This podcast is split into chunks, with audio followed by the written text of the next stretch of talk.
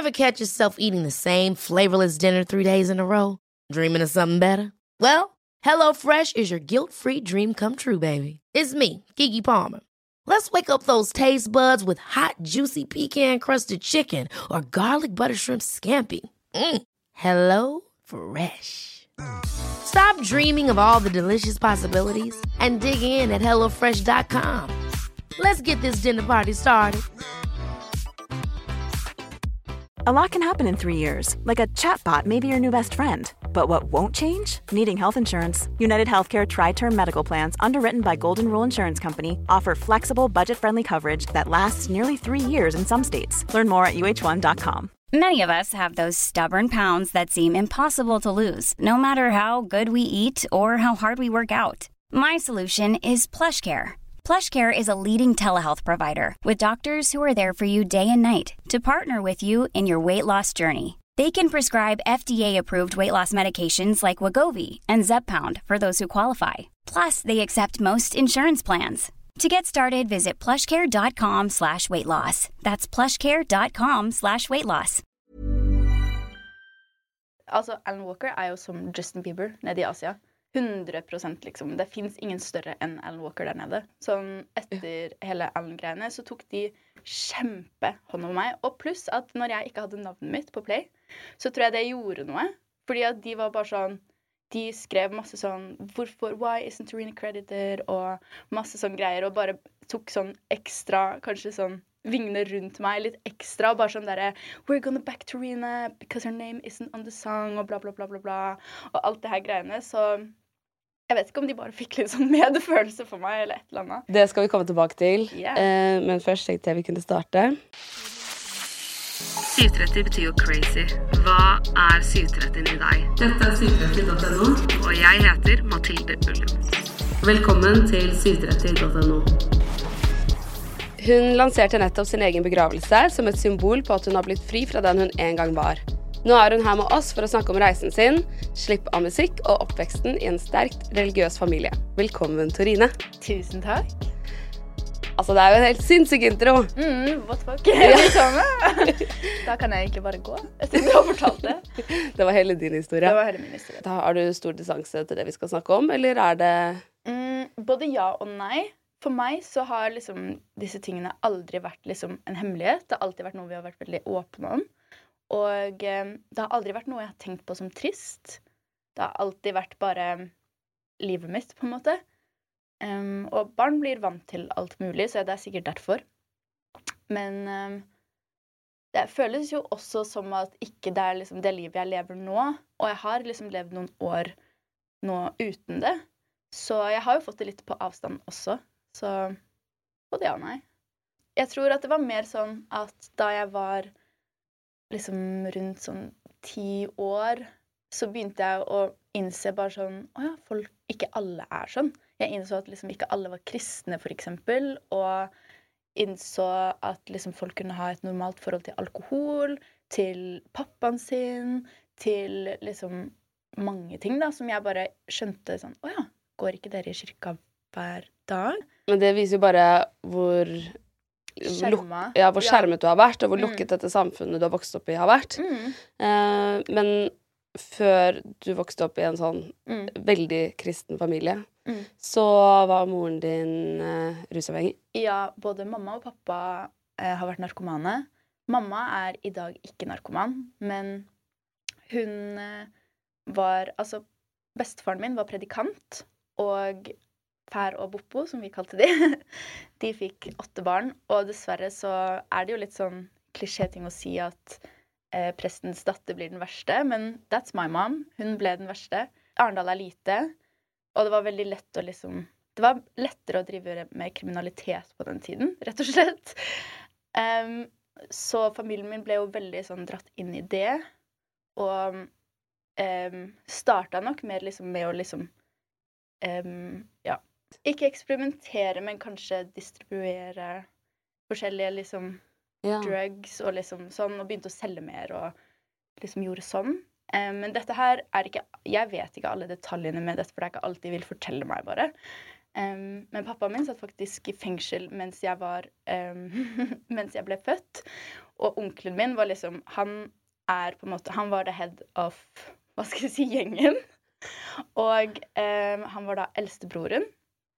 Og han fikk da til Jeg vet ikke hvordan, men ja, det var som sagt lettere å være kriminell før. Men de fikk da til at min pappa ikke skulle sitte i fengsel under fødselen, men han skulle sitte inne hos mamma mens jeg ble født i lenker. Så han sitter liksom da lenka med hender og bein og sånn, med to politimenn på hver sin side. Og mamma føder sånn her med to politimenn. Og pappaen min sitter der bare Hvorfor i all verden har han behov for å sitte der når han egentlig skal være i fengsel? Gå som straffen din. Men uh, uansett så fikk de til det. Um, og eh, stakkars mamma føder og får jo beskjed om at hvis ikke hun slutter med narkotika, og dette er jo harde stoffer, vi snakker ikke om litt hasj og liksom alkohol, på en måte. Her snakker vi om heroin og fentanyl og liksom sprøyter. Em, og um, hun får jo da beskjed om at hvis ikke du slutter med dette her, og heller ikke kutter kontakt med liksom pappaen hennes og alle disse folkene Du skjønner jo at ikke du kan ha liksom politi på døra hver gang hvis du har et barn. Um, Da får man ikke beholde det barnet lenge. Nei, da får man ikke beholde det barnet. Og hun fikk beskjed om det. Og jeg tror det Jeg tror hun plutselig skjønte det, fordi hun hadde jo gått kjempelenge gravid med meg og brukt narkotika. Masse harde stoffer. Hun hadde skutt masse sprøyter eh, til kjempelenge mens jeg var født. Så jeg ble jo sikkert avhengig Eller jeg vet at jeg ble jeg blitt fortalt det, jeg kan jo ikke huske noe av det, men at jeg ble avhengig inni magen og måtte bli avrusa som baby, liksom. Ja, ja. For de sier jo at man skal helst ikke drikke eller snuse eller noe, men Mamma tok sprøyte med heroin, liksom. Så, og jeg vet ikke hvorfor jeg ler, men det er bare sånn jeg håndterer livet, tror jeg. du må jo selv få lov til å takle dette på din måte. Ja. Jeg sitter jo og ler med deg. Ja. men Jeg har jo også vokst opp i rus, så jeg, ikke, jeg sitter ikke og ler av deg. Nei, nei, nei. Vet. Nei. hva Men ja. man må liksom ta det litt med smil. Det er det jeg har følt, i hvert fall. At det blir enten del å sette seg ned og gråte over det, på en måte. Så la oss bare lede litt bort. ja, livet er tøft nok fra før. Ja, livet er tøft nok Man fra trenger ikke å gjøre det verre. Nei. Og jeg tror det er en ting man lærer, at man må holde seg veldig positiv. Eh, Jeg har alltid fått høre bare sånn Herregud, hvorfor er du så positiv? Og sånn. For jeg har ikke forutsetningene til å være det, kanskje. En ting jeg lurer på, fordi du har jo opplevd veldig tøffe ting. Mm. Eh, så jeg tipper at du takler tøffe ting veldig godt. Du er Mm. veldig vant til det. Jeg er Men- best i krisesituasjoner. Ja, Men hvis det kommer små kriser, syns du Mm. det er vanskelig? Ja, fordi jeg er 100 best i krisesituasjoner. Sånn alvorlige ting. Da er jeg kjempegod. Brr, alle må gjøre det. Sånn, jeg har kommet inn i kjempemange overdoser og liksom lært meg hvordan jeg skal håndtere dette og sånn. Eh, så jeg vet ikke hvorfor, men jeg ramler inn i sånne situasjoner når jeg går rundt på gata. Så jeg bare legger meg ned, stopper, puster rundt. Nei, nei, nei, OK, da må vi gjøre det her. Og liksom Jeg er kjempesånn bra i krisesituasjoner. Jeg jobber kjempebra under press. Jeg jobber bedre med musikken også, hvis jeg har liksom press på meg. Eh, men hvis det er helt vanlige ting, så er jeg bare 100% hjernedød. Sånn, Jeg vet ikke hva som er galt med meg, men da Ja, hvis det kommer kommer små bagateller, så kan du, kan du bli litt stressa av det? Eller Ja, kanskje litt. Jeg tror også at jeg kanskje har vært litt sånn eh, Litt skada på sånne ting også, fordi at samtidig så har jeg ikke alltid helt klart å ta ting helt seriøst når ting har skjedd, fordi at alle mine problemer har vært så store og alvorlige at liksom hvis noen ikke ville leke med meg, så føltes ikke det ut som noe ille, på en måte. Eller hvis noen liksom sa en kommentar, så var jo ikke det jeg brydde meg om. Jeg brydde meg om helt andre ting. Så samtidig så har jeg liksom Det er alltid perspektiv på at liksom små ting er bare dritt. Liksom det har ikke, Du skal ikke bry deg om det. Så jeg har nok blitt veldig sånn careless om sånne små ting også, da. Ja. Hvis du skjønner. Fordi det har virka så lite for meg. Jeg har skjønt sånn, Hvorfor i all verden bryr folk seg om det? Det er jo ikke et problem. Det sånn sånn. er jo tøft å tenke sånn, men tror du kanskje at du eh, også distanserer deg veldig til smerte? Mm, egentlig ikke. For du går jo inn i det når du synger om det. Ja, jeg føler egentlig at jeg er veldig i kontakt med følelsene mine, egentlig. At, men at jeg bare har blitt hardhuda, på en måte. Det er din måte å takle ting på. Ja. Nå lurer sikkert folk på hva er det du har opplevd. Eh, moren din var narkoman. Faren din er det fortsatt. Ja, nå i dag så er, tror jeg han prøver å liksom være medisinert på metadon. Det er liksom et, et tilbud man får som har narkoman hvis man har lyst til å slutte. Fordi hvis man slutter på heroin og sånn på dagen, så kan man dø. Så flere år med liksom trapping kommer han sikkert til å prøve på, da. Jeg vet jo ikke om det liksom kommer til å funke, det har jeg hørt før. Hvorfor kan man dø av det? Er det fordi det er så ekstremt avhengighetsskapende? Ja, det er så avhengighetsskapende, og du kommer til å få sånn abstinenser og sånn når du slutter, og du kan dø av de abstinensene. Så det er ganske heavy. Det sier vel litt hvorfor man aldri skal prøve det. Ja. Og faren din går på metadon nå. Har du kontakt med han? Um, jeg har lite kontakt med pappaen min, bare fordi at i oppveksten så var jo han på en måte ikke så involvert. Og de minnene jeg har om han, så er, var han veldig sånn sint og I don't know Barn kan jo ikke være med folk som ruser seg. Sånn er det jo bare. Rus og barn hører ikke sammen. Så mamma har alltid vært kjempestreng på at hver gang han har kommet rusa, så er det bare å kaste ham på dør. Uansett hvor hardt det har vært. Em, så for meg så er det kanskje litt rart, fordi jeg føler at han er pappaen min, men han er også bare en person som heter pappaen min, og som på en måte har kommet inn i livet når han har valgt at han har lyst til det selv, hvis du skjønner. Så ja. Hva tror du det har gjort med deg? Åh, det er vanskelig å si. Jeg vet ikke, fordi jeg, er ikke, jeg har liksom ikke opplevd noe annet, hvis du skjønner. Åh, dem.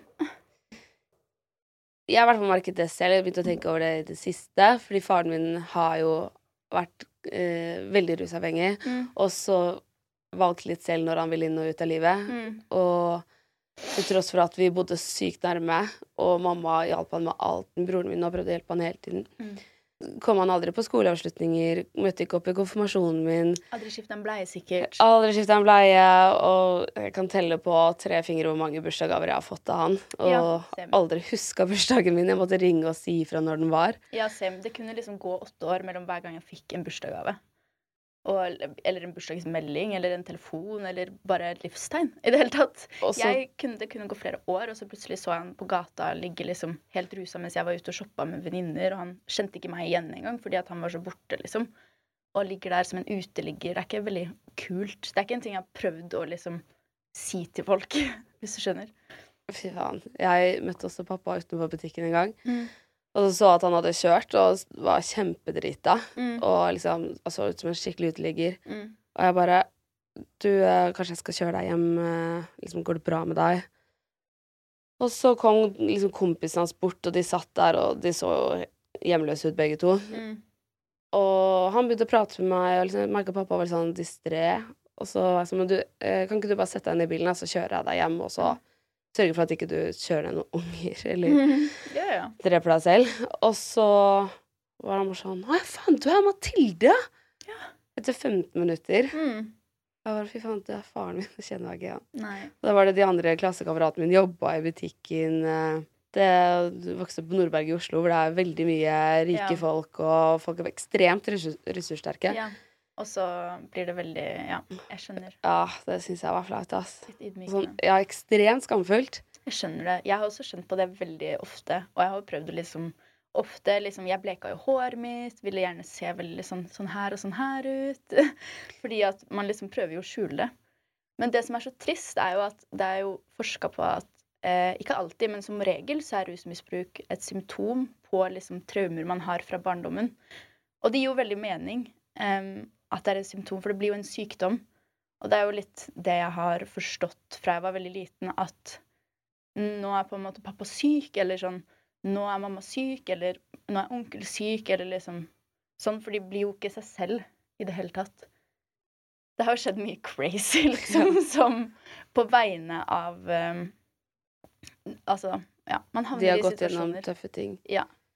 Jeg skjønner det samme Mm. med min far, da. Gått gjennom veldig tøffe ting. Ja, 100 det er, Hvis du aldri har kjent- på kjærlighet i ditt liv, så skjønner jeg jo at liksom, kanskje det frister litt mer å være rusa og bare si fuck alle, på en måte. Um, så jeg kan forstå at folk bare er skada, og at det resulterer til et rusproblem. Men det er så viktig å lære å sette grenser for det. Da. Der har mamma vært kjempegod. Der har mamma vært beinhard. Sånn, hun har kasta ut pappaen min og onklene mine og tantene mine, kusiner og fettere. Sånn, alle som har vært rusa, har bare vært sånn Du må ut. Ikke vær med Michelle. Sånn, jeg har et barn her. Så hun switcha jo veldig eh, fra å ha ingenting, være sprøytenarkoman, ligge på gata, til at hun bare fant Jesus. Eh, og da følte at hun fikk en motivasjon til å slutte helt.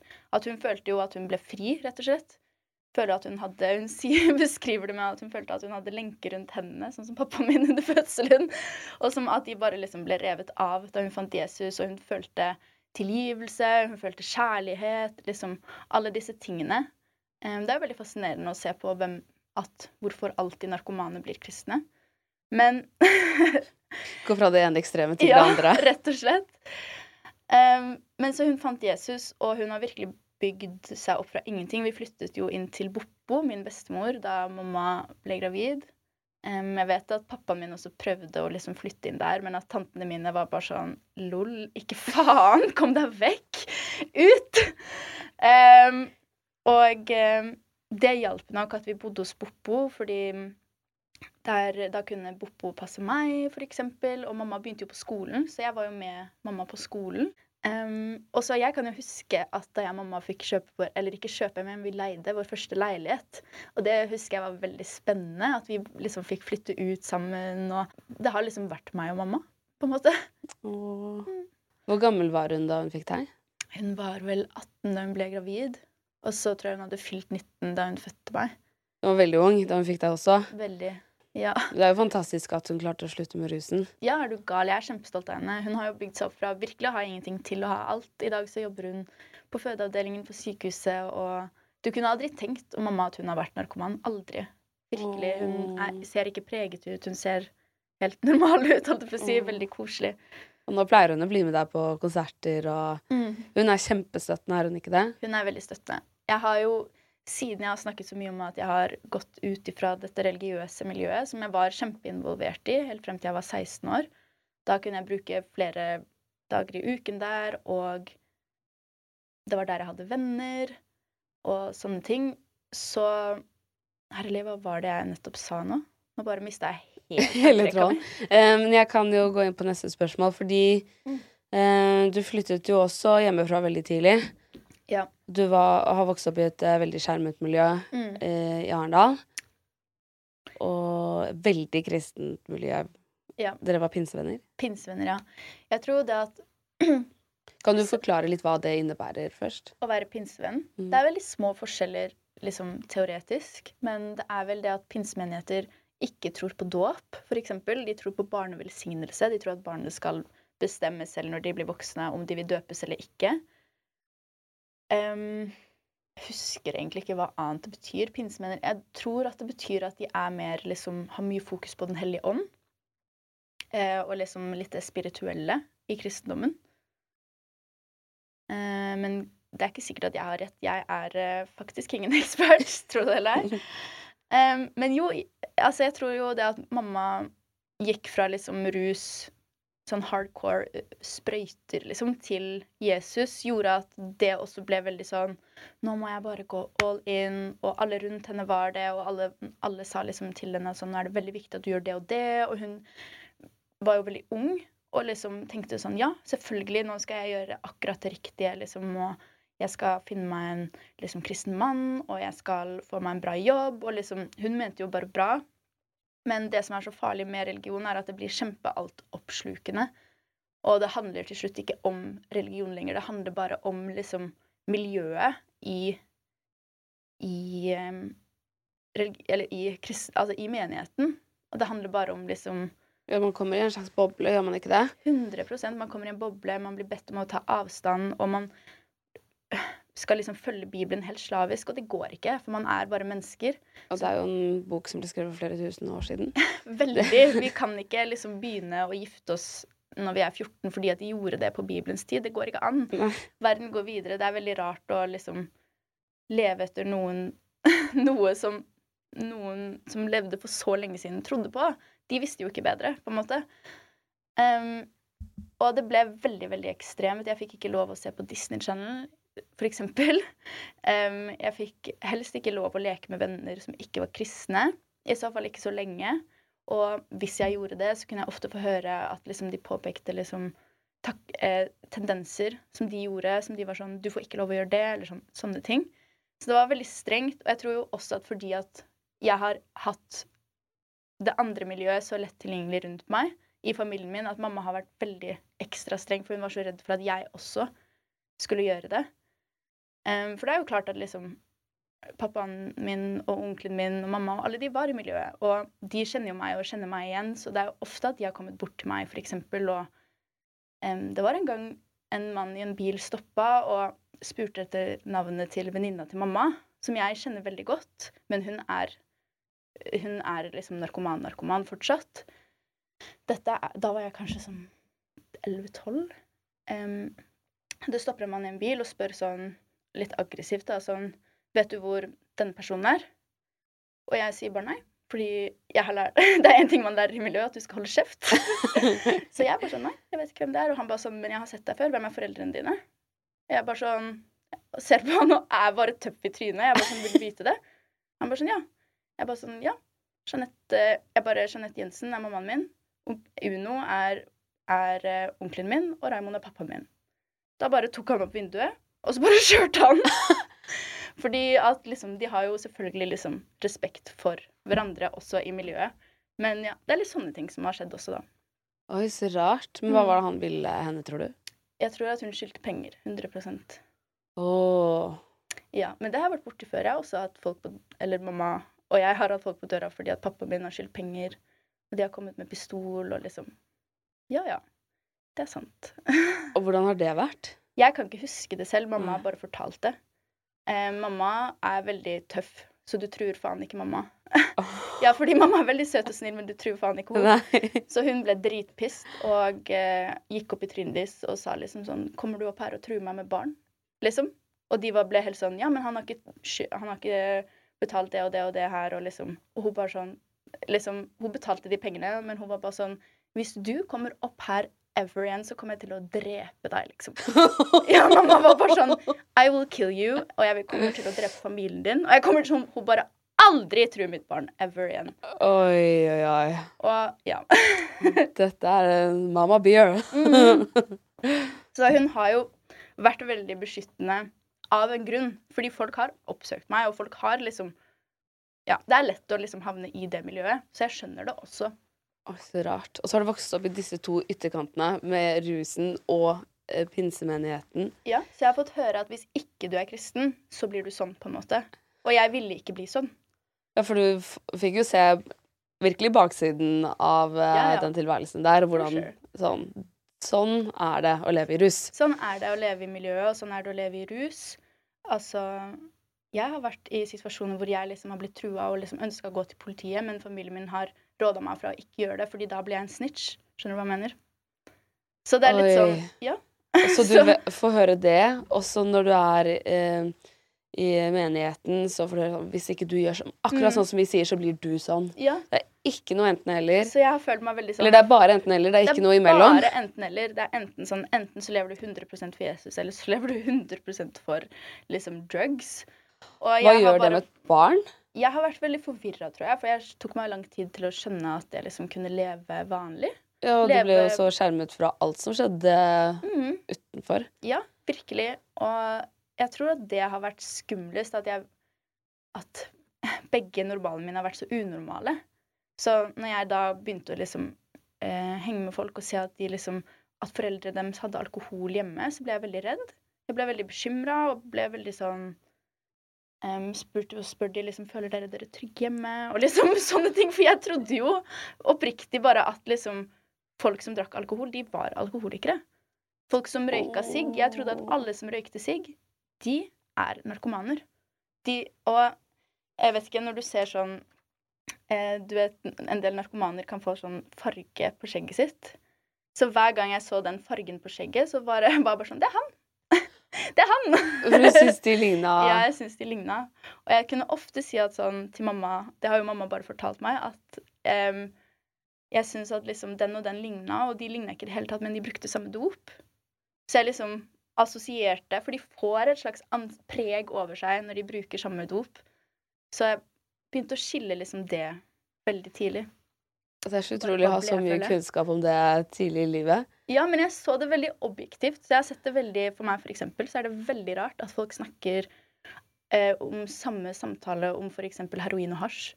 Jeg syns det er kjemperart. Jeg syns det var rart når jeg var liten fordi at Hei, dette her er liksom to forskjellige ting. Den oppfører seg veldig snilt, og den gjør ikke det. Eller sånn, Jeg så det veldig sånn tydelig hva som var forskjellig. Så for meg Jeg skal, vil være forsiktig liksom, med hva jeg sier, men for meg så høres det litt ut som at folk bare prater om ting de ikke har peiling på, når de gjør det. Rett og slett. Fordi Ja, er det noe jeg har peiling på, så er det kanskje det. ja. ja, det er ganske stor forskjell på hasj og heroin. Mm. uh, og hva det gjør med deg. Jeg syns det er veldig rart at vi har samme regler for liksom så ulike rusmidler, da. Rett og slett. Vil du snakke om ditt forhold til rus i dag? Jeg personlig syns ikke at liksom, det gjør noe å ta seg en joint av og til, liksom. Eh, og alkohol og sånne ting, men jeg har kjemperespekt for rus. Jeg har kjemperespekt for at rus ødelegger familier, og at rus ødelegger deg. Eh, Jeg har sett hva det gjør med familier, jeg har opplevd hva det gjør med familier, jeg har opplevd hva det gjør med deg, så jeg har kjempestor respekt for det.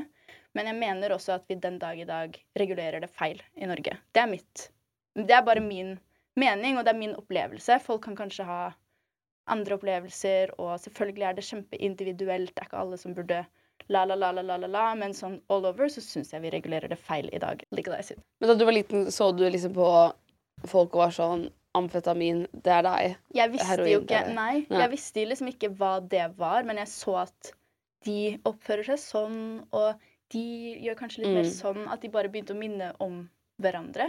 Både i ansiktet, oppførsel. I menigheten så har du også fått mye plass til å stå på scenen og Mhm. drive med musikk, og det var kanskje der du begynte? Det var der jeg begynte 100% Jeg sto på scenen første gang og sang solo da jeg var fire år. Da sang jeg i kor. um, og hadde på meg en stor ballkjole fordi jeg ville at alle skulle se på meg. Red flag, men- Nei, det syns jeg var fint. Um, men jeg har jo lært mye sånn med å drive et band, eksempel, og sånne ting. Fordi lovsang er veldig stort i det kristne miljøet, og i hvert fall i den menigheten som jeg gikk i, Philadelphia. Eh, altså, vet ikke om folk har hørt om det, men sånn Hillsong, eksempel, det er veldig svært. Stort eh, musikklovsangsmiljø som er ja, det er million, altså det er kjempesvært, gigantisk. Jeg tror Justin Bieber har vært med der, liksom, og sånne ting. Så em, jeg ville jo vie livet mitt til dette, fordi i hjertet mitt så ønsket jeg på ekte å følge Gud, og jeg ønsket å vie livet mitt til det. Jeg ønsket å bruke liksom musikken min til Gud. Um, så det gjorde jeg jo, helt frem til jeg var 16-17 da begynte jeg å liksom Jeg hadde ofte blitt bedt om å liksom kle på meg og sånne ting. Em, det var jo Jeg la ut en video på Facebook av meg og en venninne som hoppa i snøen. Og da hadde vi bikini, og det var filma ganske langt fra. Eh, da vi hopper vi fra en veranda og ned i snøen. Eh, Så tenåringer som ja, ja. Vi hopper i snøen og tenker sånn Tøffe. Joho, Ja. yolo! Ikke sant? Det var dritkule. Um, og da får jeg en melding på Facebook, og jeg ser at det er et par stykker som har sletta meg som venn på Facebook. Og får en melding fra da ungdomspastoren i eh, Philadelphia, hvor han ønsker å ta en prat med meg, og jeg sier selvfølgelig kan vi gjøre det. Og vi har denne praten, og da sier han bare rett ut til meg at han syns ikke at det er, at han kunne ikke være venn med meg på Facebook hvis jeg skulle drive og legge ut sånn, fordi at da er jeg en for stor fristelse i hans liv. Um, Åh, jeg får sånn ekle frysninger når Ja, du sier det. Det er så En voksen mann, ikke En sant? voksen mann, han har eh, For det første så har han kjæreste. Eh, og han er voksen, og jeg er 14 år. Du kaller det en fristelse. ja, han kalte meg en fristelse, og han kunne liksom ikke se meg engang, fordi at da jeg var en så stor fristelse i hans eh, liksom, liv, da. Han burde aldri få lov til å jobbe med barn. I know. Eller Eh, tenåringer. Eller, Eller, tenåringer, mennesker. eller liksom, ja, I know.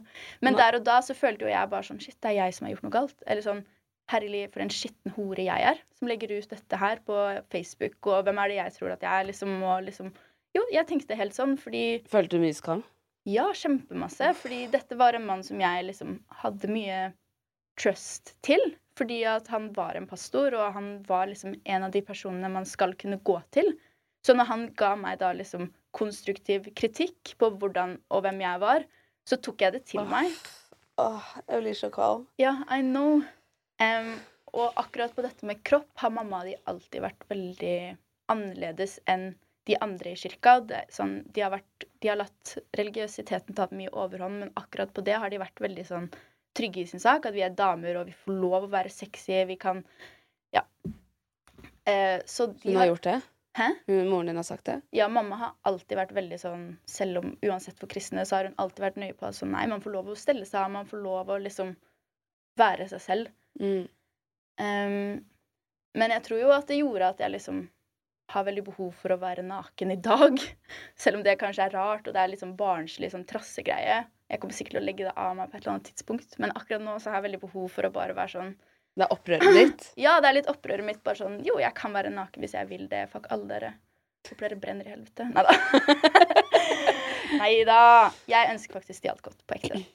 Men eh, det må jo være veldig deilig nå å bare liksom kunne slippe det litt. Og kunne, eller klarer du det?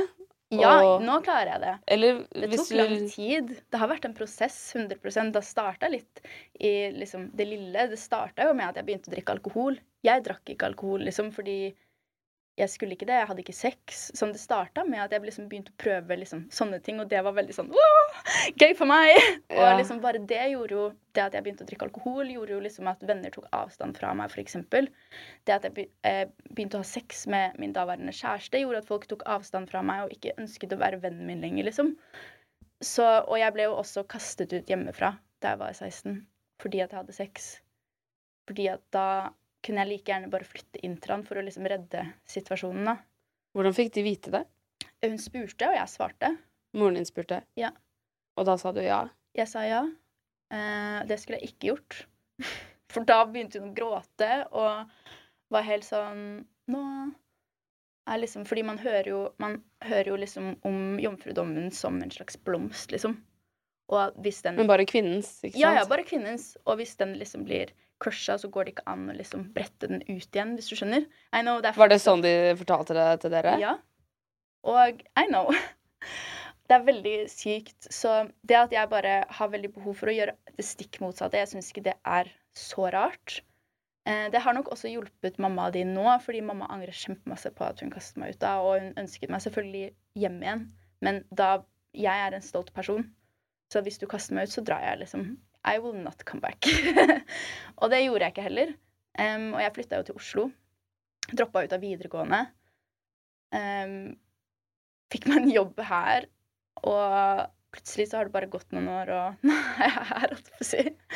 Men det er jo helt utrolig. Mm. Hvordan har du klart å liksom, det, Du må jo være ekstremt sterk når du gjør noe sånt. Du reiser fra miljøet ditt som du, Det er alt du kjenner. Mm. Og så reiser du alene til Oslo og skal starte livet på nytt. Uten noe særlig støtte noe sted. Jeg tror at det var det eneste valget jeg hadde for å liksom komme meg litt bort. Jeg tror det eneste måten jeg kunne blitt liksom normal, er å liksom ut av begge miljøene. At jeg måtte ut av byen på en eller annen måte. Fordi uansett, hvis jeg hadde blitt i Arendal, så hadde jeg alltid liksom enten kommet tilbake til enten det eller det andre, på en måte. Fordi det er der jeg kjenner folk. Og det er en Så- liten by, så alle vet hvem du er, og du kommer deg liksom ikke vekk fra det. Nei, og jeg merker det også når jeg drar tilbake til Arendal. Jeg drar ikke så mye tilbake til Arendal, for jeg blir veldig dratt tilbake. Veldig sånn tilbake i den bobla, tilbake liksom til de jeg kjenner der, og sånne ting. Så det var jo også en overgang da jeg var, eller flytta til Oslo og liksom måtte ta et valg på at sånn Hvis noen ringer, så kan ikke jeg liksom alltid komme til Arendal lenger nå, eller sånne ting. Så det var veldig trist. Men jeg tror at det var det eneste som kunne redde meg. Fordi hvis ikke man får de ekstreme miljøene på avstand og liksom får kjenne bare uten at noen skriker i øret ditt hvem du egentlig er, så tror jeg du bare ja, forsvinner litt i det, liksom. Men før du flyttet eh, til Oslo, så var du med i Idol. Mhm. Det var samme sesongen som Victoria Nadine, var det ikke det? Jo, Jo. vi bodde faktisk sammen. Gjorde dere? Mhm. Å, så koselig. Ja, Hun har også vært i podcasten. koselig. Men, eh, og nå er dere til og med i samme plateselskap. Ja, det er veldig gøy. Jeg føler liksom Fordi vi ble jo kjent der. Eh, Vi har ikke sånn veldig mye kontakt nå, men vi bodde liksom der under Idol sammen. Eh, og så har vi liksom på en måte gått litt sånn side by side, bare sånn fulgt hverandre, liksom. Så det er veldig koselig. Det er så kult. Men Idol var jo også på en måte min vei ut, sånn før jeg For det, det gjorde jeg før jeg droppa ut og flytta til Oslo og sånn. Eh, så var nok det min vei ut. Jeg kunne bruke det litt som en unnskyldning til å ville vekk av musikken, liksom. Um, så det er jeg veldig glad for. Folk samla seg jo i menigheten for å be om at jeg skulle ryke ut av Idol. Fordi at jeg drev med avgudsdyrkelse og Det svir sånn i magen når du sier sånne ord. For det, det, du har jo holdt på med musikk så lenge. Du har gledet mm. deg sikkert så mye til å være med på Idol. Og det er jo Altså, live er jo 100 din styrke. Ja. Og så skal du få stå der og gjøre det du elsker, og noen svartmaler det. Mm. Virkelig. Og kaller det Ja. Det var veldig vanskelig å tenke klart på den perioden, fordi jeg var fortsatt på en måte Jeg sleit fortsatt med at jeg liksom følte litt på dårlig samvittighet og sånne ting. Så når de gjorde det, så ble jeg jo veldig sånn Det ble en litt kamp inni meg om liksom Er dette riktig? Gjør jeg noe galt nå? Eller sånn Går det bra? Em, og det er litt teit, men sånn da tenkte jeg mye på Britney, fordi at jeg har jo blitt advart mye om Britney. Fordi at hun også starta i kirka, sammen med Avril og liksom Det er jo sikkert derfor jeg liker disse jentene så godt også. Um, men at hun starta i kirka som en lovsanger, og uh, se på henne nå, på en måte. Så var jeg bare litt sånn, så tenkte jeg sånn Se på henne nå, er det så ille, da? På en måte? Er det så ille? Og jeg kjente også at når jeg levde vanlig og ble fortalt at jeg var dårlig, så kjente jeg sånn Men hvorfor føler ikke jeg meg dårlig på en måte nå? Hvorfor får ikke jeg Hvorfor syns ikke jeg at det er rart, på en måte, og kanskje ikke jeg syns at det er så ille å liksom være med en jente, da. Kanskje ikke jeg syns at det er så ille å liksom drikke alkohol, eller sånn Alle de tingene som liksom Kunne du få lov til å velge de reglene selv? Ja, At ikke en, en kirke skal bestemme det for deg? ja, og det er det, akkurat det jeg synger om if, i If There Is A Heaven også. Sånn Why do I feel so complete, på en måte? Fordi hvis det er galt, hvorfor føles det så bra? Eller sånn Ja. Det gir ikke helt mening for meg, bare. Det er så fint at du kan bruke det i musikken din. Mm. De sangene er veldig ærlige og veldig fine. Takk. Jeg hører veldig mye på dem. Gjør du? Ja. gøy. Det er jo første gang sånn, Jeg har jo gitt ut musikk, men jeg føler at dette er første gang jeg på en måte kan få vise litt hvem jeg er. Em, da jeg signerte med Universal, så var jo ikke det liksom basert på noe suksess eller liksom noe sånne ting. Det var jo mer, følte jeg, et sånn utviklingsprosjekt. Jeg sendte musikk som jeg hadde laga, og de likte det. Og var sånn OK, shit, sånn vi kan liksom gjøre noe her. Og de satte meg i kontakt med folk. Og um, så har det bare egentlig utvikla seg videre derfra. Uh, og jeg har fått veldig mye tid til å bare lage musikk uten å liksom vise det. Så det er veldig deilig. Dette er jo første gang jeg har bare fått gi ut en EP, liksom. Gi ut noe som betyr noe for meg, ikke bare en låt jeg syns er kul. Dette er første gang jeg føler jeg gir noe med, som betyr noe skikkelig for meg, da. Så det er veldig skummelt og rart og um, gøy og ja, alt mulig på en gang.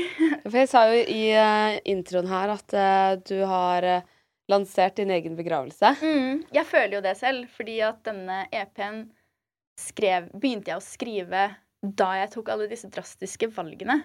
Disse, det føltes for meg Jeg kaller det jo unholy, fordi det var det jeg følte jeg ble i alles øyne. Jeg følte alle så på meg som en som var dette og dette, og nå er hun blitt det, på en måte.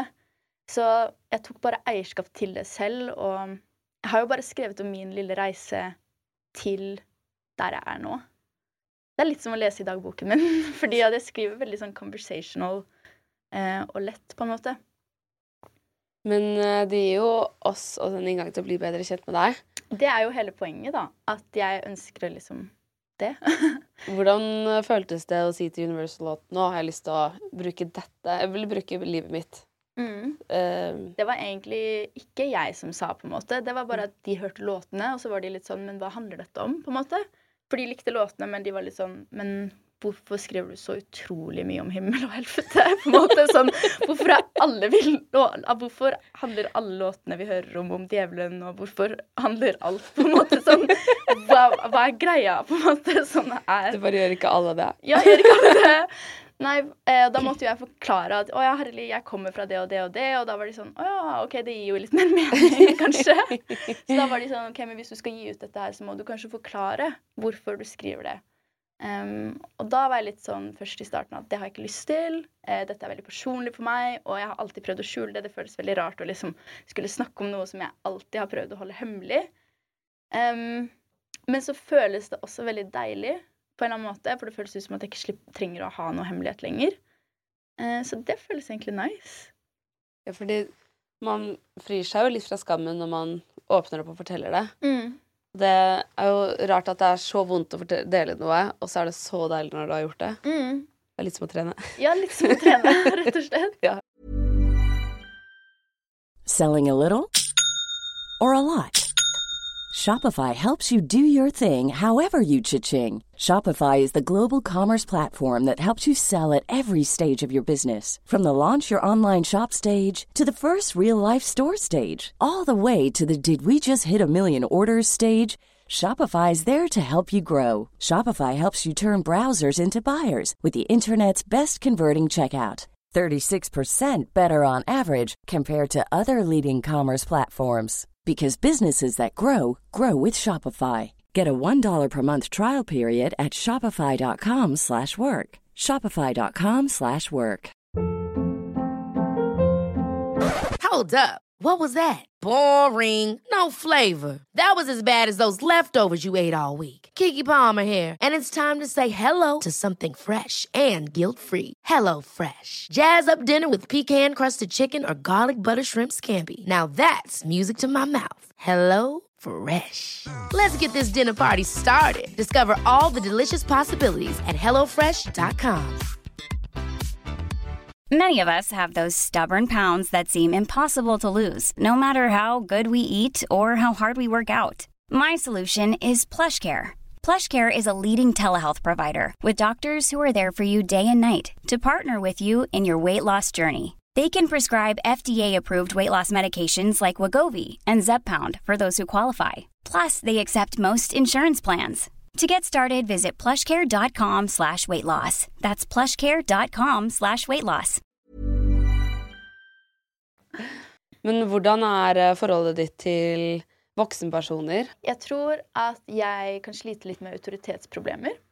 Fordi at jeg har ofte blitt bedt mye om Eller sånn blitt fortalt hvordan jeg skal tenke, hvordan jeg skal oppføre meg, hvordan jeg skal te meg, bla, bla, bla, bla. bla.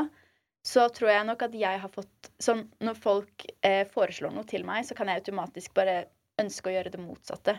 Det er en utrolig irriterende, trassig greie, og jeg merker selv at jeg gjør det. Jeg blir bare negativt innstilt med en gang. Blir bare sånn, nei, eh, Kanskje vi heller skal gjøre noe sånn det stikk motsatte. Men det er jo ikke så en- rart, fordi det, det du har opplevd før, er jo at det har vært omtrent farlige ting. Da. Mm. Eh, voksne mennesker sier du skal ha på deg det og det, du må dekke Mm. til kroppen din, du Mm. får ikke lov til å gjøre hva du vil, du, lov, du får ikke lov til å være med de du vil. Du. Nei. Nei, så hver gang noen forteller Ja. meg noe, så har jeg bare blitt sånn Nei, jeg må gjøre det andre Eller sånn Det er nesten som en sånn At bare fordi at jeg vil ikke bli liksom press, Eller pressa inn til noe. Og jeg er en veldig sånn um, Jeg har ikke så mye problemer med mange ting. Det, veldig det skal mye til før ting irriterer meg, eller sånne ting. Så jeg har kanskje ikke alltid vært så god til å se når det skjer. Um, men nå er jeg bare sånn super bare sånn Hvis noen prøver å fortelle meg noen ting. Eh, så det er nok bare et resultat av ting jeg har opplevd. Men det jobber jeg med, og jeg har blitt mye bedre enn det jeg var. Før så var jeg hissig, liksom, på det. jeg, Har du et eksempel? Jeg bare generelt var drithissig før. Eh, jeg hadde mye sinne inni meg. Veldig mye sinne. Um, så jeg var ikke den letteste å havne utafor. Når jeg er litt mildere i dag. mildere versjon av meg selv i dag. Hvordan er det med miljøet der nå? Hvordan, har du kontakt med de nå? Um, det er litt forskjellig. Det er en del personer som gikk ut sammen med meg, på en måte. Eh, ikke sammen med meg, men i samme året som meg. Det ble en slags splid, det ble en slags greie. Um, det samme året, så rett før jeg liksom slutta å være med i lovsangen og sånn, så hadde jeg også en venninne som ble kastet ut fra lovsangen fordi hun hadde sex. Og kjæresten hennes fikk lov å bli, men ikke hun. Fordi det er jo jenten, jenteblomstene som krølles opp, vet du. Det må man huske på. Ja, det må vi ikke glemme. Ikke At vi jenter, vi skal være rene. Mm. Og så kan de guttene få lov til å være så skitne de vil. Ja, og da var det mange som reagerte på min alder. Som var litt sånn what the fuck. Sånn eh, Og jeg tror at den gjengen som jeg hadde i dag, det er noen som fortsatt er kjempeinvolverte. Blant annet min liksom, tidligere bestevenn. Hun er kjempeinvolvert fortsatt. Og jeg tror at vi liksom kommer nok alltid til å ha et nært bånd. Men jeg tror at liksom vi ser så ulikt på livet nå at det er veldig vanskelig å liksom Åh. Det er vanskelig å ha samtaler som ikke, som ikke er om Gud, rett og slett. Eh, og det er kanskje det vanskeligste, sånn fordi man prater bare om Gud. Det blir liksom hjernevasking til slutt. Jeg mener det. Sånn, hvis du bare hører på musikk som handler om Gud, bare, bare, bare, bare, bare Gud hele tiden. Vi, vi kunne se på en fotballkamp, og det handla om Gud. Fordi så, så dere at han ba før han skårte det målet? Så dere det? Sånn, han skårte bare fordi han ba til Gud. mm, alt handler om Gud, og det blir veldig sånn øh, Ja. Det skjønner jeg blir mye. Mm. Og man har jo lyst til å ha et liv ved siden av. Det betyr jo ikke at man uh, ikke kan være religiøs, men Nei, nei, nei. det er jo virkelig Det er ingenting som er bra med for mye. Nei, og det jeg må si er jo at sånn, det eneste som har forandra seg, er jo min relasjon til menneskene. Min relasjon til Gud har alltid vært den samme. Den har aldri blitt effekta. Jeg ber fortsatt hver dag. Og jeg vet ikke liksom helt hva jeg skal kalle det, men det er jo en eller annen slags tro um, på liksom Gud og Jesus. Men jeg bare tror ikke Jeg tror liksom på kjærlighet. Og jeg tror ikke at Gud er en sint mann som hater på gays, liksom. Det blir for dumt for meg. That makes no sense hvis Gud er kjærlighet. Um, så det er bare relasjonen til menneskene og reglene som har forandret seg. Egentlig. Det er fint. Mm.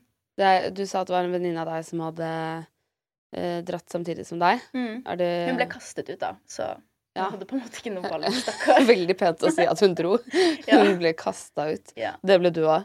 Jeg ble liksom skjøvet ut. Det, er, det starter jo med at de slutter å invitere, på en måte. Og så at det er litt kaldere når du kommer. Um, og når du da har vokst Jeg føler jo at jeg vokste opp i Philadelphia. Og føler at liksom det var mitt andre hjem. Og jeg føler at de tok veldig godt om meg og mamma fordi at mamma var narkoman og sånn. Nå så ser jeg tilbake på det og tenker at det kanskje var litt sleivt. og at At det er veldig finner- fascinerende hvordan eks-narkomaner og folk som har vært i kjipe situasjoner, alltid blir liksom kapra av Jehovas vitne eller en eller annen pinsemenighet eller en eller annen sekt. Something weird. Så hvordan er det de opererer? Um, det er veldig sånn at når Jeg har sett det skje mange ganger. Mange ganger. Jeg har liksom omtrent vært med på det. Fordi at um, Det høres rart ut sikkert for deg, men man blir jo noe som heter bønnekjemper, for eksempel. Hvor man da liksom samles, og man skal være de personene som går rundt og ber for folk, for eksempel. Eh, det er også en veldig sånn maktrolle å ha, som ikke de fleste burde ha. Um, Herlig, nå mista jeg det helt igjen. Bønnekjemper. Er det, var du det? Eh, ja, jeg har vært Jeg har hatt på meg Guds full rustning, girl. Sånn. jeg er en Jesus-soldat. Jo, jo. Sånn, vi hadde jo barnemøter og sånn. Jeg har jo vært med å holde masse barnemøter, og ja. Hva gjør en bønnekjemper? de ber for folk.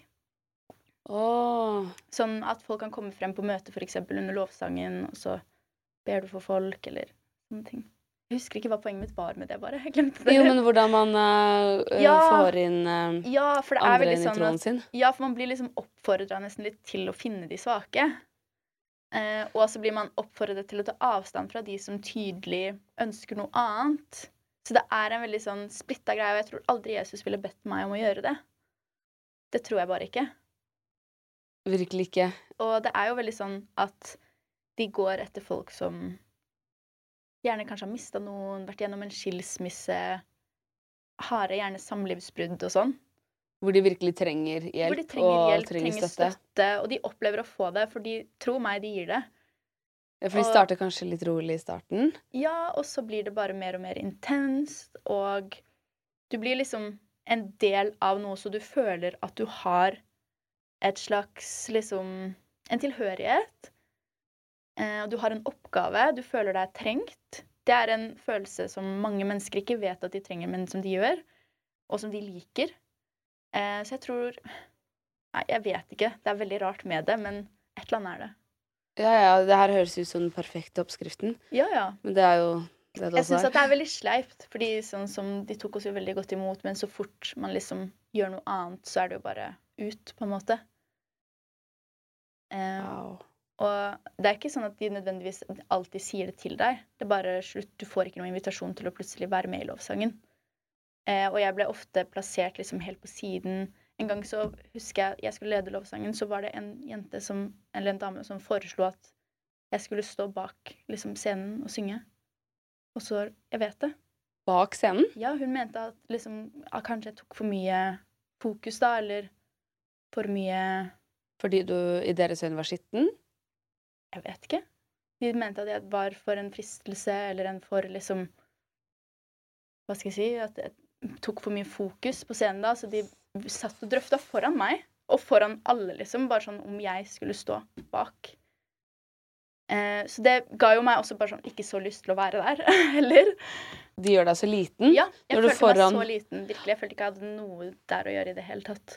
Gjorde det noe med deg i forhold til hvordan du ville stå på scenen? Ja, jeg tror jeg alltid har vært veldig selvbevisst i den grad av at ehm, jeg har alltid prøvd, liksom Folk har alltid prøvd å dysse meg ned på en eller annen måte.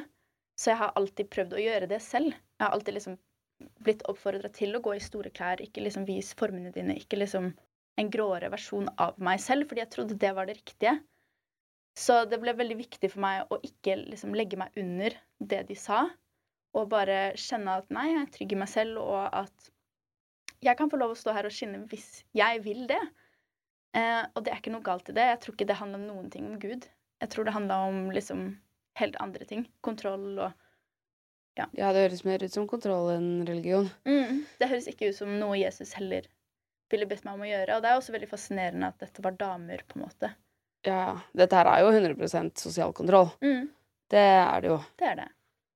Og det er jo veldig tøft å bryte ut av. Ja, det var kjempetøft. Det var, Kjenner du på det fortsatt? At hvis du legger ut et bilde jeg kan få litt sånn «Æ!» etter jeg har gjort det, men ikke noe mer enn det. Du så ut som du var en god Ja, Ja. Men eh, altså, jeg kan av og til få litt sånn Hvis jeg snakker om sex, så kan jeg få vennene mine kjefte, kjefte på meg om det hele tiden. Fordi eh, jeg kan få litt sånn Nei, jeg kan ikke snakke om sex, for jeg er jente. Eller sånn den. Eh, og det er veldig teit, men det er nok bare noe som sitter i meg fortsatt. At jeg har alltid blitt fortalt at jeg ikke skal liksom snakke om sånne ting fordi jeg er jente, og jeg skal liksom være så pen på ting og bla, bla, bla, bla. bla. Um, Du kan fortsatt være pen på ting selv om man snakker om ting man har lyst til, da. Ja, sant, men det er sånne ting jeg fortsatt holder på å finne ut av. Ja. Fordi at liksom Ja, ting tar tid, rett og slett. Og det er en prosess. Og det er fortsatt liksom Som, altså, som regel så er jeg helt fri fra det meste nå, men det er jo liksom noen sånne ting, for eksempel, som kan komme igjen, da. Litt sånn dårlig samvittighet og sånne ting. Ja, for det er jo liksom mye av den type oppvekst du har hatt, tipper jeg går mye på samvittighet. Mye på samvittighet og skam. Det er jo sånn man driver oppdragelsen, på en måte. Ja, Psykologen min sa at det er den mest effektive måten å oppdra noen på. Mm. Ikke noe bra, men Nei, nei. at man får totalkontroll over noen hvis du påfører dem mye skam og dårlig samvittighet. Mm. Men eh, når jeg ser deg på scenen, så ser du jo så utrolig fri ut. Det ser ut som du har verdens største vingespenn, og du har full kontroll. Jeg har sett deg miste lyden, og at ting har skjedd, og tekniske problemer. Og det rikker ikke deg en millimeter. Da er det sånn Vi gjør det igjen! Og løper ut til publikum. Og en gang så sto jeg så etter deg, så plutselig sto du bak meg. Jeg bare What?! Bare hopper ned og synger med alle og virker ikke noe sjenert. Du er så ekstremt modig. Det er skikkelig, man blir skikkelig inspirert når man ser det. Så takk. Det er utrolig god live. Det Det, er utrolig koselig å høre. Det er jo min gulrot på en måte i livet og liksom med musikk og kunne gjøre ting live. Jeg tror også at det på en måte har vært Altså, barn når de går gjennom mye og ikke kan liksom dra noe sted, så sovner de ut. Jeg tror at jeg sovna ofte ut til et sted hvor jeg dagdrømte om liksom musikk og det å stå på scenen og liksom sånne ting. Så jeg tror det alltid har drevet meg liksom til å bare gå videre, på en måte, uansett hva jeg har opplevd.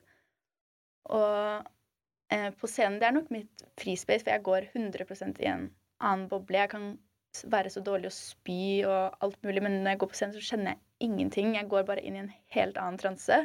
Jeg er liksom ikke Michelle, jeg er Torine. Liksom Jeg er en kulere versjon av meg selv, hvis du skjønner. Uh, jeg snakker snakket Veronica. OK. Nå fikk du store øyne. Jeg spurte om hun hadde noen morsomme historier. Mhm. Jeg bare vil gi deg en overskrift. Ut og stjele hester. Oh my god, Mathilde. Sånn, du vet at jeg har ikke sagt dette til mamma eller noe? Nå fikk jeg klump i magen. Dette vet ingen, liksom. Jeg har ikke sagt sånn. Mamma kjenner sikkert de vi gjorde det av og sånn. Oh Har du lyst til å fortelle om det? Oh my god, nå tok du meg litt på senga, men ja. Ok, det er jo egentlig veldig morsomt, men jeg fikk veldig, veldig dårlig samvittighet dagen etterpå. Uh, og jeg sjekka at alt gikk bra dagen etterpå og sånn. Bare jeg må bare si det i forkant. Vi kan starte med det. Det gikk bra, så det trenger man ikke å bekymre seg over. Nå kan du fortelle. Det gikk bra. Uh, men det som skjedde, var at uh, jeg og Veronica vi hadde vært ute og drukket som vanlig. Og drukket oss skitings fulle. Så var vi veldig slitne og orka ikke å gå hjem. Så hadde vi ikke penger til taxi. Eh, eller sjåfør. Vi får jo den briljante ideen om at sånn Vi trenger ikke å gå hjem, vi kan bare ri hjem. Eh, og vi stjeler en hest hver. Ja, vi stjeler en hest hver uten sal eller noen ting. Jeg vet ikke hvordan det her gikk, og jeg kan ikke huske så mye av det, men vi rir da. Vi rir ikke helt hjem, men vi rir liksom et stykke, og så bare slipper vi hestene løs. Jeg vet, Det er derfor jeg måtte si at det gikk bra. At vi bare slapp hestene løs fordi vi var så fulle og bare tenkte sånn Det er jo bra, de finner veien hjem selv. Eh, det gjorde de tydeligvis, men eh, ja. Hester gjør jo det. Mhm. Jeg fikk så dårlig samvittighet, og jeg ble helt kvalm i magen når du sa det. Jeg har holdt dette hemmelig. Liksom, Dette er ikke en Altså- historie jeg har sagt til folk. It's giving Kristin Kirkemo før uh, Orderud. Hun stjal også hester. Oh my god. Mamma kjenner den gården, og så jeg vet det. Så jeg har ikke turt å si det til mamma, fordi Vet de det? Nei. Jeg og Veronica har, Det var derfor jeg ble så sjokka nå, fordi jeg og Veronica har ikke sagt dette til noen. Liksom. Vi har bare stjålet noen hester. Sånn, Kommet oss hjem fra byen og ikke sagt noen ting om det. Men det gikk jo bra, og vi sjekka dagen etterpå at hestene var inne på jord igjen. Og det er ikke første gang du har vært med hest. Nei, Så det er det det- ikke. Vi har jo vokst opp med hest. Det er derfor jeg var sånn Herregud, vi stjeler en hest! Ja. Og Veronica er ikke sånn som sier nei til mine ideer. Så det var en gøy fylla, da. Du snakker jo uh, østlandsdialekt. Mm.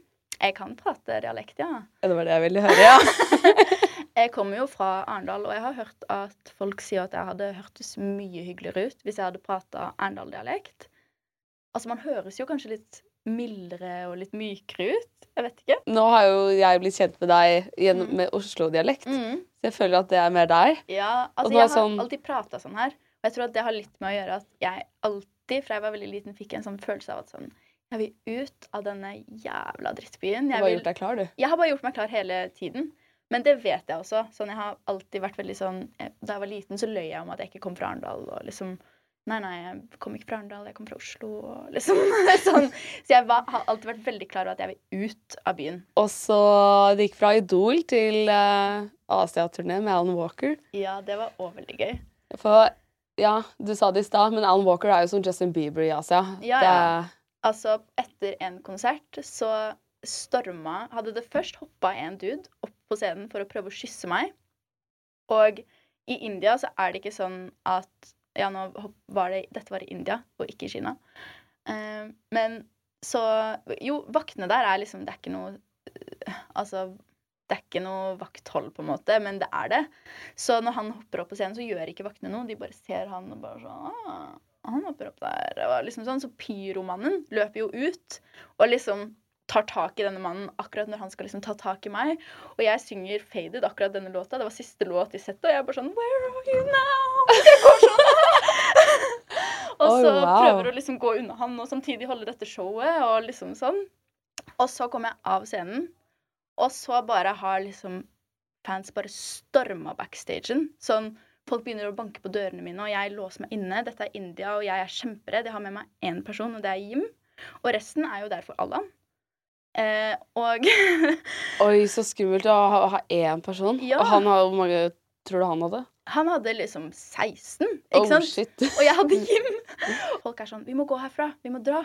Og så får de meg inn i en bil. Men da ser folk at vi går inn i bilen.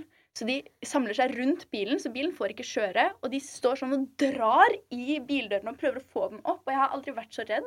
Og bilen begynner å riste, Ja, ja, liksom. de hoppa opp, og sånn, de sto sånn og bare sånn Sto sånn og liksom virkelig eh, Det var helt Jeg hadde liksom vært med på Idol og gikk med, og plutselig så sto folk og bare sånn prøvde å bryte seg inn i døra, folk kom på hotellrommet mitt, og det var bare helt crazy. For som sagt så er Alan som Justin Bieber der nede, og når jeg er da med han, så blir de helt sånn De blir bare helt crazy. Oh, wow. Det var kjempeskummelt. Jeg satt sånn i bilen med en pute over hodet mitt og var bare sånn Gråt liksom og var sånn Jeg vil hjem nå! Ja. Fordi det er jo sånn som Kim Kardashian har det, nesten. ja. Det var veldig sånn et øyeblikk hvor jeg bare følte at ikke jeg var meg selv, og bare ble kasta inn i noe helt annet. Så jeg har jo fått veldig mye erfaring på den turneen. Har jo vært med på en liksom eh, Hva heter det? Sånn eh, Arenaturné heter det. Arenaturné. Um, Hvor mange er det som ser på hver kveld, da? Det er sånn alt fra 10 til 30, tror jeg. Så det er veldig mange. Det var kjempegøy, og jeg kunne ikke betalt for å få den erfaringen som jeg fikk av de med å være med på den turneen. Så for det er jeg alltid kjempetakknemlig. For at de liksom stolte på meg, at jeg kunne gjøre en god nok jobb på Disses is turné, da. De hadde du med Norges uh, livedronning. Nei, nei, jeg var så stiv da jeg var med på den turneen. jeg har jo vokst veldig på denne turneen, eh, men de første konsertene var veldig skummelt, og jeg syns spesielt at det var en utfordring å bevege seg på scenen. Jeg har dansa klassisk ballett og hiphop og sånn, og det er veldig sånn Ja, du gjør bare liksom det du skal. Eh, å bevege seg på scenen var liksom en helt annen greie for meg, så det var litt sånn skummelt. Men Julie Bergan var jo også med, og hun har betydd så mye for meg uten at hun vet det selv. Fordi hun har jo masse erfaring live. Hun er liksom så god live og en så erfaren artist. Hun er liksom en maskin, føler jeg. ja, jeg føler det. Eh, og hun har vært, for det første så var hun veldig inkluderende, fordi jeg hadde ingen leverage. Jeg var ikke noen, I was a nobody, på en måte, og hun passa veldig på at jeg ble behandla akkurat sånn som hun ble, og jeg ble inkludert på akkurat det samme hun ble. Og hvis jeg var usikker liksom, på sånne ting, så var hun veldig sånn Ja, men du kan bare gjøre sånn og sånn. Og når det pleier å skje, så pleier jeg jo sånn og sånn. Hun lærte meg så masse under denne turneen.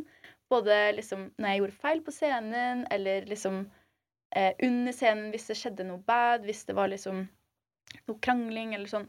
Hun oh. var bare ja, en veldig god person for meg å ha der. Jeg syns det var veldig kjipt i konsertene hun ikke var med. Jeg blir så glad for å høre at kvinner støtter opp om andre kvinner. Ja, Men Julie er en av de personene som virkelig på ekte støtter jenter, føler jeg, da. Eh, At det er nesten et sånn personlighetstrekk hun har. At hun er veldig sånn støttende og ja. Det gjør du òg, da.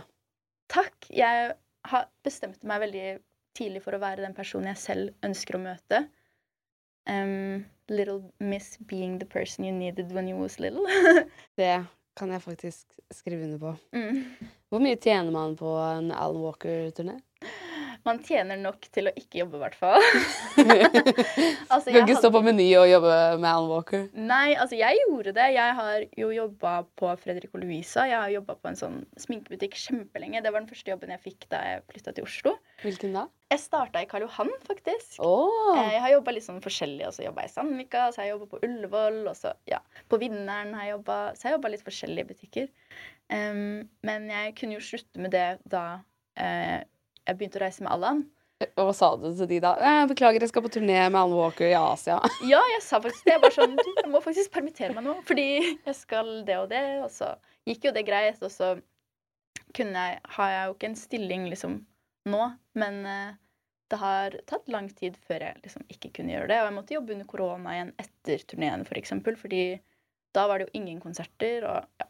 Men det var Mm. veldig gøy å tjene mine første penger. Sånn, jeg kan ikke huske hva jeg brukte de på, men det var sikkert noe dritt. Men jeg kommer ikke fra noe liksom, veldig spesielt rikt hjem. Jeg kommer ikke fra noe veldig sånn luksusgreier. Så for meg var det veldig gøy å tjene mine egne penger. Ja, Det skjønner jeg. ja. Jeg føler virkelig at vi har funnet 730 i deg, da. Ja. Det, Hva betyr 730? det betyr crazy. Betyr Så når du sånn- er eh, for eksempel i retten mm. i eh, England, så sier de oh, we're pleading for 730. Det betyr at du, vil be om å få være utilregnelig, da. Ja. Vi tar det jo selvfølgelig som et Det er verdens største kompliment. Ja. Og hvis ikke du har 730, så hadde ikke vi skrevet om deg. Mm. Så alle vi skriver om, har jo en 730 i seg et sted. Det er veldig hyggelig. Jeg, jeg sa jo det forrige gang òg, men jeg føler at Eller jeg vet at fordi um, da jeg begynte å liksom gi ut litt musikk, og sånn, så var det ikke så mange som ville skrive om meg i det hele tatt. Men dere var liksom eh, alltid de første som hadde med sangene mine på de derre eh, topp ti norske sanger som kom ut i dag, og liksom sånne ting. Og det har jeg satt så pris på, for det er virkelig ingen som har liksom gjort det ellers. Ja, det skal sies at alle i 730 er dritflinke til å finne nye folk. Mm. Jeg ser Hver eneste gang jeg sjekker en artist, så skriver 730 om de først. Ja. Eh, Du har andre fans òg, og de har stilt noen spørsmål. Er du klar? Ja. Ladies and gentlemen. Instagram spørsmålsrunde. Instagram spørsmålsrunde. Spør om hva du vil. Spør om hva du vil. Kommer det julesanger i 2022? Nei. Jeg, bare, jeg gikk faktisk i studio og var bare sånn Herregud, jeg vil skrive en julesang. Men da var de sånn du, OK, men da må du gjøre den ferdig om en uke. Så var jeg sånn Nei, fuck det. Hvordan er det å alltid få høre at du er Norges svar på Megan Fox? Altså, for det første så blir jeg så dragged på TikTok for det. Kan folk slutte å si det? Fordi folk er bare sånn First price-versjon av Megan Fox. First Price-versjon! Ja! Frekke! Ja, I know! Og eh, det Altså, det er jo et dritstor kompliment. Jeg er obsessed med hun og har vært obsessed med Jennifer's Body forever. Så jeg ser det ikke. Jeg tror at det er bare fordi vi har mørkt hår og blå øyne begge to. Ja, dere ligner Det føler ikke jeg selv, men takk! What the fuck? Men folk hater på meg når folk sier det, så ikke si det mer. Det er egentlig verre om ingen skriver noe dritt om deg. Ja, TikTok. kanskje. Ja. kanskje det er ingen som bryr seg. Ja. Ja. men det er jeg enig i. Jeg vil heller ha et terningkast én enn en terningkast liksom tre eller fire. Ja. Eh, hvem er den mest kjente som har slidet inn i DM-en din? Jeg vil liksom ikke si navnet deres høyt. Jeg føler meg som en lame person hvis jeg sier sånn Den, den gjorde det. Um, tror liksom at jeg har en samtale med Nick Jones et sted. Men, men eh, jeg har et bilde med han også. Fordi vi møtte han med Allan en gang. Ok, Vi spilte på samme konsert, og så eh, Dette var sånn i 2016, så jeg var dritung. men eh, så møtte vi han, og så gikk jeg egentlig bare bort til han. Eh, fordi Allan ville eh, Hei, Nick Jonas, uh, this is Alan Walker. Can we take a picture? Og liksom prate sammen og sånn. Og han bare sånn Yeah, sure. Og så sto vi sånn og prata litt. Han var like høy som meg. Jeg er 1,58. Men det var jo veldig spennende. Jeg elska Nick Jones back in the days. Han var den hotteste. Ja, kanskje. Jeg vet ikke. Eller i hvert fall den største. Hva ville du sagt til deg selv som barn? Det jeg ville sagt til meg selv som barn, er at jeg skal stole mer på meg selv. Hvis du får en følelse om at noe ikke er riktig, så er den der ofte av en grunn. Eh, og selv om folk rundt deg sier noe, så bare stol på deg selv. Jeg tror det er vanskelig å liksom høre på seg selv. Det er jo forska så mye på at mennesker følger ofte etter andre mennesker. Eh, hvis vi hadde spurt fire personer om hva to pluss to er, og alle hadde sagt fem, så hadde du også blitt usikker på om det er fire eller fem. Um, men alltid bare stol på at det er fire. Sånn stol på at, stol på at det du vet inni deg, er riktig. Fordi det som funker for deg, funker ikke for alle andre. Så stol på deg selv. Det er det jeg vil si til, meg, til my younger self. Det var fint. Mm. Siste spørsmål. Mm. Hvilken låt er din favoritt fra Unholy? Oh. Oh. Det er lett å si 'If There Is a Heaven', men jeg er veldig veldig glad i 'Unholy' også. Det er jo en litt sånn annerledes låt. Um, jeg får mye ut sånn kirkegreier i den. Og for meg er den veldig satisfying i hjernen fordi jeg endrer tempo i den. Så den tilfredsstiller hjernen min på en eller annen måte. Um, og sammen med 'Nobody'. Den tilfredsstiller hjernen min veldig i det siste refrenget, men med adlibsa. Jeg er veldig fornøyd med de, hvis jeg kan si det. Eh, men, så det går veldig mye på hva som satisfying, satisfying, altså satisfyer hjernen min. Um, og musikk er bare liksom rytmer som hjernen liker. Visste du det? Eller sånn Mm. at det er derfor vi liker musikk. Ja, Men- fordi det går inn i lykkesenteret i hjernen din. Ja, vi liker mønstre. Ja. Det er mønster. Ja, for hvilken bare- liker du best? Det er veldig gøy for meg å høre. Mm. Er jeg Unholy? Unholy? Ja. liker du også Ja. Unholy? Fordi Unholy var litt sånn en låt som folk var litt sånn Vil du slippe den? Jeg var sånn, ja, jeg elsker Det er ikke alltid de plateselskapene har rett, da. Man tar litt feil. Ja. Da var vi rundt. Ja? Er det noe du har lyst til å legge til? Nei. En stor ære for meg at du har lyst til å komme hit. Det er en stor ære for meg å være her, herregud.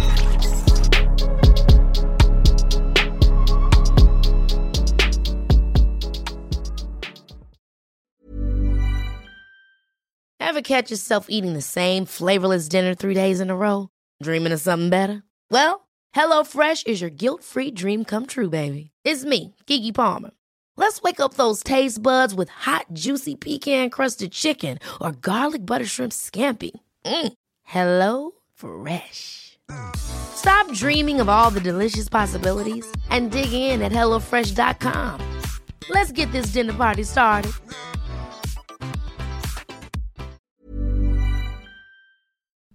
Tusen takk for at du hører på 730-podden. Hvis du har lyst til å være veldig kul, så er det bare å legge igjen fem stjerner. Og da blir jeg veldig glad, fordi det er jeg som lager alt til denne podden. Og jeg trenger masse gode stjerneanbefalinger for å kunne be sjefen min om litt høyere lønn. Så det hadde vært veldig fint.